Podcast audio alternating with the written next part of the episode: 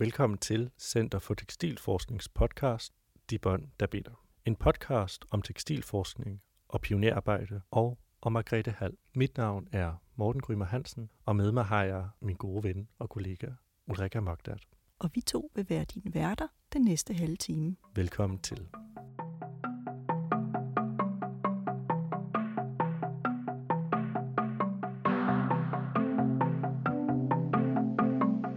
Goddag og velkommen til De Bånd, der binder. Mit navn er Morten Grymer Hansen, og jeg er historiker og ansat ved Center for Tekstilforskning, hvor jeg arbejder på forskningsprojektet Tekstilpioneren Margrethe Hals liv og virke, nye indsigter og perspektiver. Det arbejde udfører jeg sammen med min gode ven og kollega Ulrika Mogdat. Som sagt hedder jeg Ulrika Mogdat, og jeg er foruden at være kunsthistoriker her fra Københavns Universitet, så er jeg også billedvæver og øh, er uddannet væverske i min ungdom, inden jeg blev kunsthistoriker. Det at beskæftige mig med Margrethe Hall, det er jo meget spændende, eftersom Margrethe Hall også var uddannet væver, inden hun gik over og begyndte at studere de forhistoriske tekstiler på Nationalmuseet. Ja, for det er jo nok det er en del øh, af vores lyttere tænker, hvem var Margrethe Hall, og øh, hvorfor har vi et projekt om hende, hvorfor har vi en podcast om hende. Og jeg tænkte, vil du ikke øh, kort præsentere Margrethe Hall for os? Jo, det er jo desværre sådan, at hun efterhånden er mere kendt ude i verden, end hun er her i Danmark. Der er hun ligesom blevet lidt glemt. Og det er rigtig synd, for hun var en utrolig spændende og fuldstændig unik kvindelig forsker, som brugte ganske meget af sin levetid på Nationalmuseet og i forskningstjeneste inden for det på det tidspunkt forholdsvis upåagtede område, nemlig tekstilforskning. Og øh, det er i høj grad hendes resultater og metoder, som Center for Tekstilforsknings forskning i dag baserer sig på. Og hendes doktordisputats Olddanske Tekstiler udgør stadig i dag en hovedhjørnesten i international tekstilforskning, til trods for, at den udkom allerede i 1950.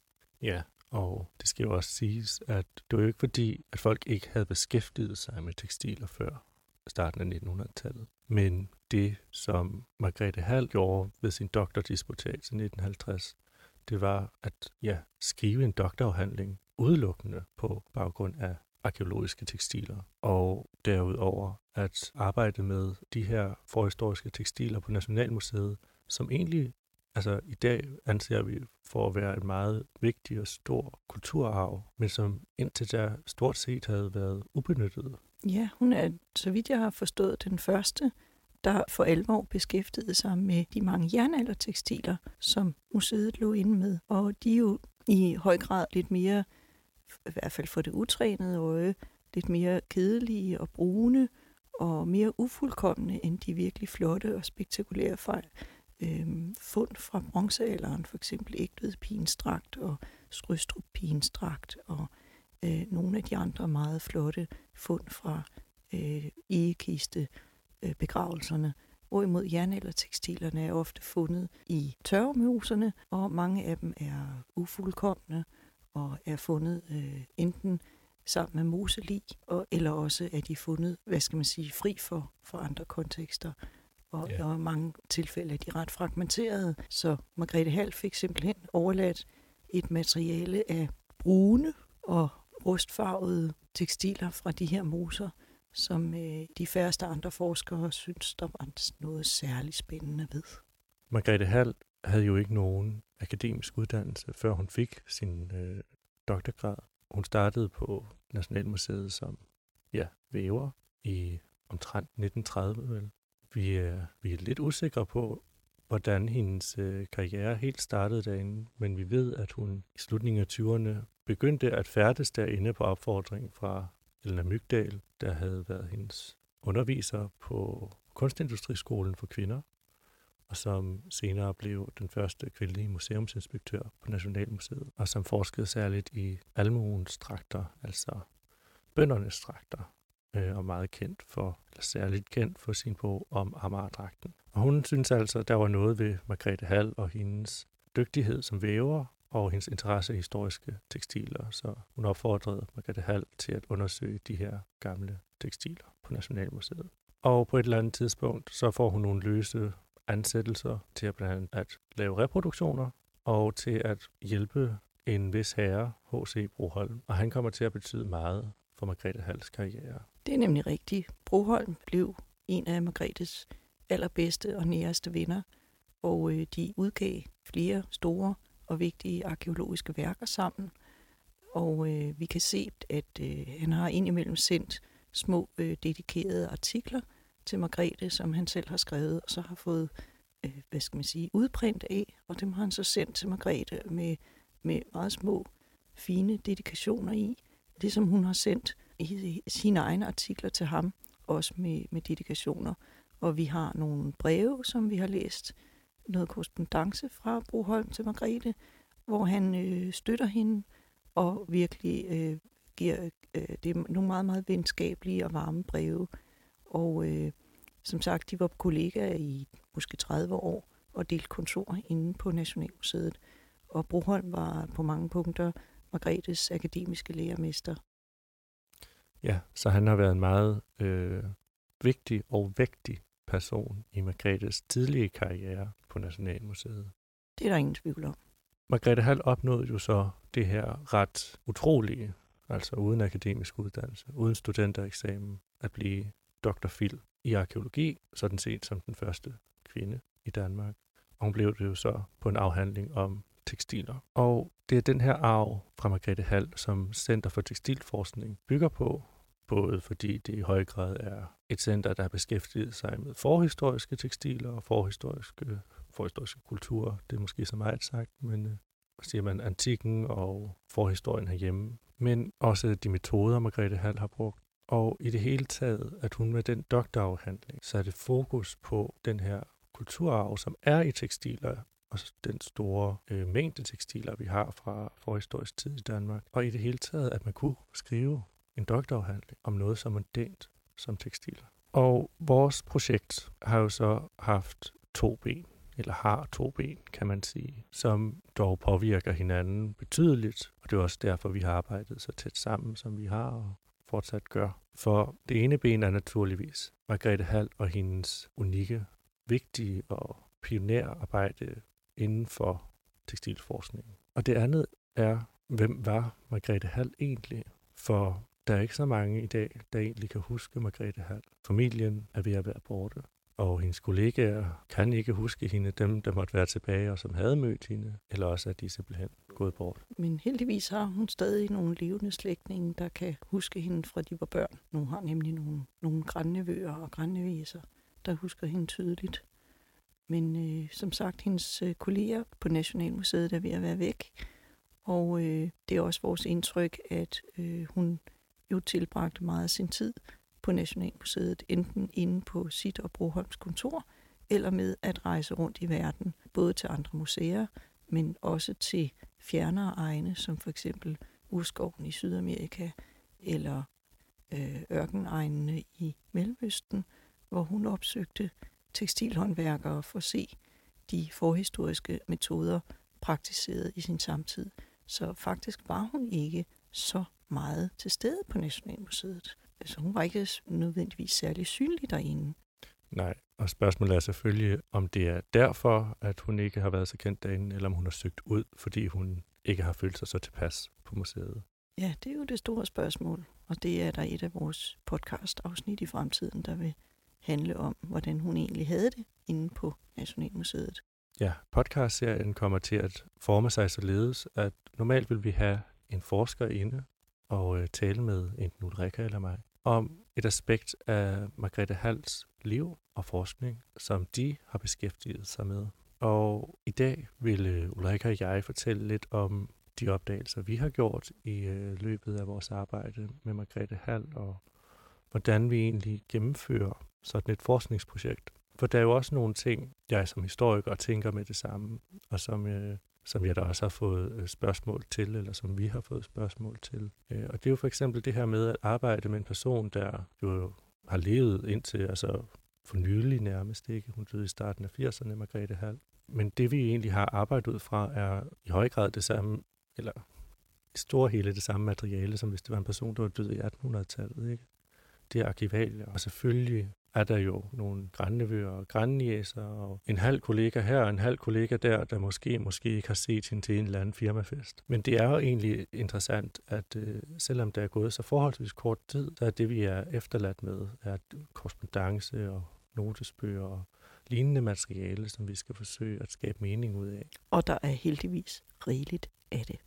Det er, det. er sådan, at vi ved, vi har jo et mindre arkiv her på Center for Tekstilforskning på universitetet. Det fylder bare et, et, et øh, forholdsvis beskedent arkivskab. Øh, så er der, jeg tror det er 13 kasser inde på Rigsarkivet. Ja, 12 eller 13. Ja, og for uden alle, der findes jo også et øh, arkiv fra hendes søster og søsterens mand, hvor der er i hvert fald en kasse af deres arkiv dedikeret til korrespondence med Margrethe. Så for uden det er der fire kasser, to store kasser og to mindre æsker inde på Nationalmuseets arkiv.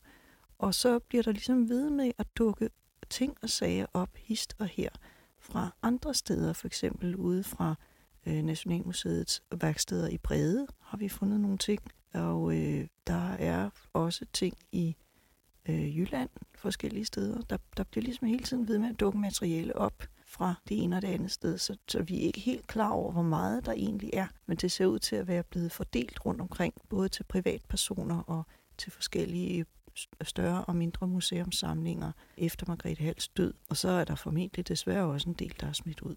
Ja, sådan går det jo desværre. Men øh, vi kan være glade for, som du siger, at øh, Margrethe Hals arvinger i hvert fald har sørget for, at en stor del af det er kommet på Rigsarkivet. Også at Rigsarkivet har ville tage imod det. Så vi har den her store samling af private dokumenter og papirer herunder korrespondence.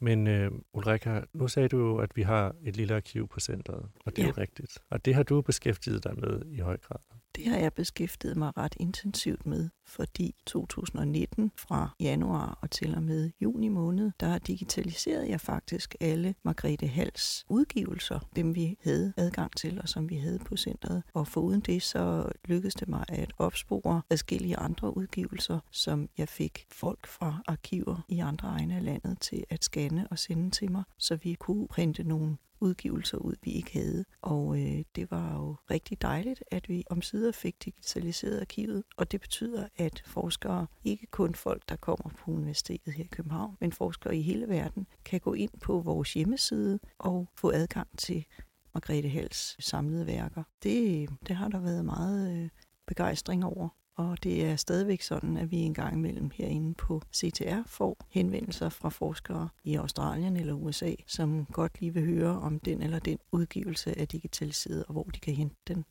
Og det kan vi jo så til vores store glæde sige, jamen du behøver ikke at bestille den hjem fra et bibliotek i Danmark. Du kan gå ind på vores hjemmeside og læse den. Derudover så har jeg også digitaliseret Margrethe Hals store dias-samling på 537 dias, de fleste af dem er dias, hun har optaget, da hun var i Sydamerika fra 1965 til 66. Og øh, den dias-samling er nu også tilgængelig online faktisk. Vi har mange meget dygtige studerende til at hjælpe ja, os. vi har en meget dygtig studentermedhjælper ved navn af Nine Jensen. Nine hun har særlige evner på det digitale område, og det er hende, der har lavet en database, eller måske nærmere et søgbart arkiv til os, hvor man kan søge på de her dias. Man kan søge både efter årstal, lokation og efter emne. Hvis man for eksempel vil se noget om spænding i Colombia i 1966, så kan man prøve at slå op under det. Ja, og øh, noget af det, Margrethe Hall jo faktisk øh, undersøgte og tog en del billeder af, mens hun var i Sydamerika, det var jo båndvævning. Det var det. Det er faktisk sådan, at vi i CTR's arkiv har enkelte tekstilgenstande, som Margrethe Hall har hjemført på sine rejser, ligesom vi også har forskellige prøver, som hun selv har udført. Det, jeg sidder med i hånden her, det er et farvestrålende vævet bånd. Vi er ikke helt sikre på, hvor det stammer fra, men jeg gætter på, at det måske er fra Guatemala. Mm. Og det er tydeligvis vævet på en lændevæv, og øh, vi har talrige billeder som Margrethe har optaget, både fra Peru og fra Guatemala, hvor øh, indianerkvinderne fra de forskellige stammer sidder og arbejder på lindevæve.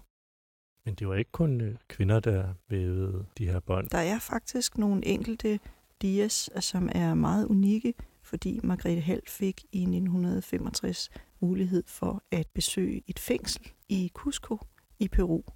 Og i det her fængsel, der havde man vævning på programmet, så en stor del af fangerne, de blev simpelthen sat til at væve.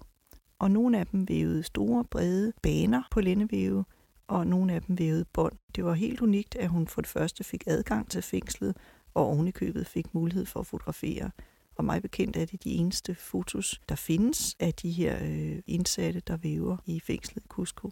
Så det er helt unikt. Og når du siger lændevæv, hvad er det så, Ulrika? En lændevæv er en form for væv, der egentlig mest består af et bundt stokke eller pinde. Og øh, der er øh, så sat en såkaldt træn op på disse stokke. Og øh, trænden, det er jo så de tråde, man væver på. Og øh, islet. Det man typisk vil se som øh, vertikale. Ja, typisk vil se som vertikale. Og øh, det system er så spændt fast i den ene ende til et bælte, der går rundt om linden på væveren. Og i den anden ende er systemet spændt fast til måske en pæl eller et træ eller en krog i en væg. I hvert fald er det vigtigt, at det er noget, der ikke rokker sig ud af stedet. Og den anden ende, hvor væveren er spændt fast, det er således, at når man væver, så har man brug for, at træntrådene er spændt mere eller mindre hårdt ud. Og det opnås ved, at væveren læner sig tilbage, fordi som sagt, at den ene ende af trådene er spændt fast til væverens krop, sådan at han eller hun kan regulere trådenes spænding ved hjælp af sin kropsvægt. Der er navnet lændevæv. Ja, det er der, det, derfor, det hedder en lændevæv. det er faktisk en meget praktisk ting. Og det er sådan, at når man væver på en lændevæv, så vil det, man væver, som regel være temmelig smalt. Det kan i hvert fald sjældent blive ret meget bredere end ens kropsbredde. Så derfor er det ofte brugt til bånd og lignende. Ja, og, og smalle baner, som så kan syes sammen til bredere stykker. En poncho for eksempel. Men det bånd her, det er vævet i meget sådan kraftige farver. Der er rød, og der er gul, der er blå. Ja, det er vist ikke kun naturfarver, rosa. der kan have stået for det der. Nej, de ser bestemt ud til at være kemiske farver. Meget af det. Øh, der er en rosa og en cyklamenfarvet og en kraftig koboldblå og en grønblå, foruden en skrigende rød og en skrigende gul. Så jeg tvivler stærkt på, at det her udelukkende er plantefarvet. Og det var jo så også netop i 1960'erne, hvor Margrethe kom til øh, Sydamerika, at hun måtte konstatere, at de øh, brugte rigtig mange kemiske farver. Og det var ja. hun ikke særlig tilfreds med. Nej, det er jo svært, når man kommer til et land, hvor man regner med, at man skal møde såkaldte naturfolk, og så oplever industrialiseringen for længst har, har været forbi. Ja, hun beklager sig i hvert fald flere gange i sine breve over, at øh, håndværket ikke længere er så godt og, og på så højt et niveau, som hun havde håbet, og at øh, de øh, bruger de der redselsfulde kemiske farver. Og hun øh, bliver ved med at, eller nævner i hvert fald gentagende gange, at hvis man skal se oprindelig vævning og hvad skal man sige, et håndværk, der virkelig er holdt i hævd, så skal man til Syrien, hvor hun jo også var i 1960 og 1961, og der så hun stadigvæk de oprindelige metoder brugt, hvorimod hun mener, at det på en eller anden måde er blevet for turistet for hendes mening, da hun så kommer til Sydamerika. Ja, man kan jo sige, det er jo egentlig den samme udvikling, som er sket herhjemme, ikke langt hen ad vejen. At de syntetiske farver tog over de øh, naturlige farver, fordi de simpelthen er mere effektive, mere økonomiske, og så giver de nogle kraftigere farver generelt. Ja, og mange flere forskellige farver, og, flere, og de er nemmere at styre, så man kan få den præcis den nuance, man vil have. Men det er jo interessant, det siger jo også noget om hendes forventninger til, hvem indianerne var, og hvad de skulle gøre i hendes hoved. Ja, der er også et af hendes breve hjem, vi har undret os lidt over, som vi er så heldige, at en af hendes niæser transkriberede og gav til CTR for mange år siden. Der er et af de breve, hvor det lader til, at hun nærmest har kolonialiseret lidt hun var nemlig ude hos en stamme i regnskoven, hvor hun købte en væv, men så gik der et eller andet galt, og det lader til, at hun mere eller mindre løb med væven, efter hun havde købt den, men at de så ikke ville af med den alligevel. Så der tog ja. hun flugten. Og som jeg har sagt før, når vi har talt om det, så er der jo sjældent grund til at løbe med en væv, med mindre man har gjort noget, man ikke skulle. Og det var en temmelig stor væv og det hun egentlig fortæller i brevet, er også, at det har været svært for hende at få lov til at købe den væv. Altså, de ville til at starte med ikke sælge den, og så har der været en eller anden, skal man sige, budrunde, eller hvad ved jeg, hvor de har forsøgt at få lov til at købe den med forskellige beløb, og på et eller andet tidspunkt, så har nogen sagt et beløb, som øh, Margrethe Hall gik med til, lagde pengene, tog væven, og øh, så fortrød de så, så i hvert fald ifølge hende, og øh, ville have væven tilbage. Men det fik de ikke. Hun stak af med den. Ja, så blev der kastet under øjne på hende fra en heksedoktor fra den lokale landsby, og han ville heller ikke fotograferes. Men øh, så vidt jeg har forstået, tog hun alligevel et billede af ham på betryggende afstand. Ja, og det er jo også en ting. Hun har et eller andet med, at øh, hun, hun vil gerne fotografere meget, og hun skriver flere gange også, i, øh, da hun var i Mellemøsten, at man ikke bare må fotografere, og det synes hun er lidt mærkeligt. Og nogle gange så sniger hun sig jo til det alligevel. Og det er jo heller ikke så god stil, må man sige. Nej, men hun var åbenbart ualmindelig nysgerrig, og hun havde meget svært ved at forstå andres forbehold for fotografering. Ja, og måske tænkte hun, at det jo bare handlede om, at hvis de ikke vidste det, så kunne de jo heller ikke have ondt af det. Det kan også være, at hun bare synes, at det at dokumentere det her folkeliv og farverne og tekstilerne først og fremmest var vigtigere end folks modvilje mod fotografering. Ja, det siger jo selvfølgelig noget om, hvordan man så på andre kulturer dengang i et eller andet omfang. Altså, at øh, så længe man øh, gjorde noget i den skal man sige, vestlige videnskabs navn, så havde man øh, carte blanche til en del ting. Hun har jo nok ment, at hun gjorde det i den bedste mening. Ja, det tror jeg også. Men øh, det kan jo ikke altid undskylde Nej. hendes handlinger. I hvert fald så det lykkedes hende at købe en 4-5 væve og en hel del vævede ting og tekstiler og også nogle forskellige fiberprøver, og der, der er en masse ting, så det fremgår i hvert fald af hendes breve, at hun, hun skaffede en hel del ting til Nationalmuseet til etnologiske samlinger.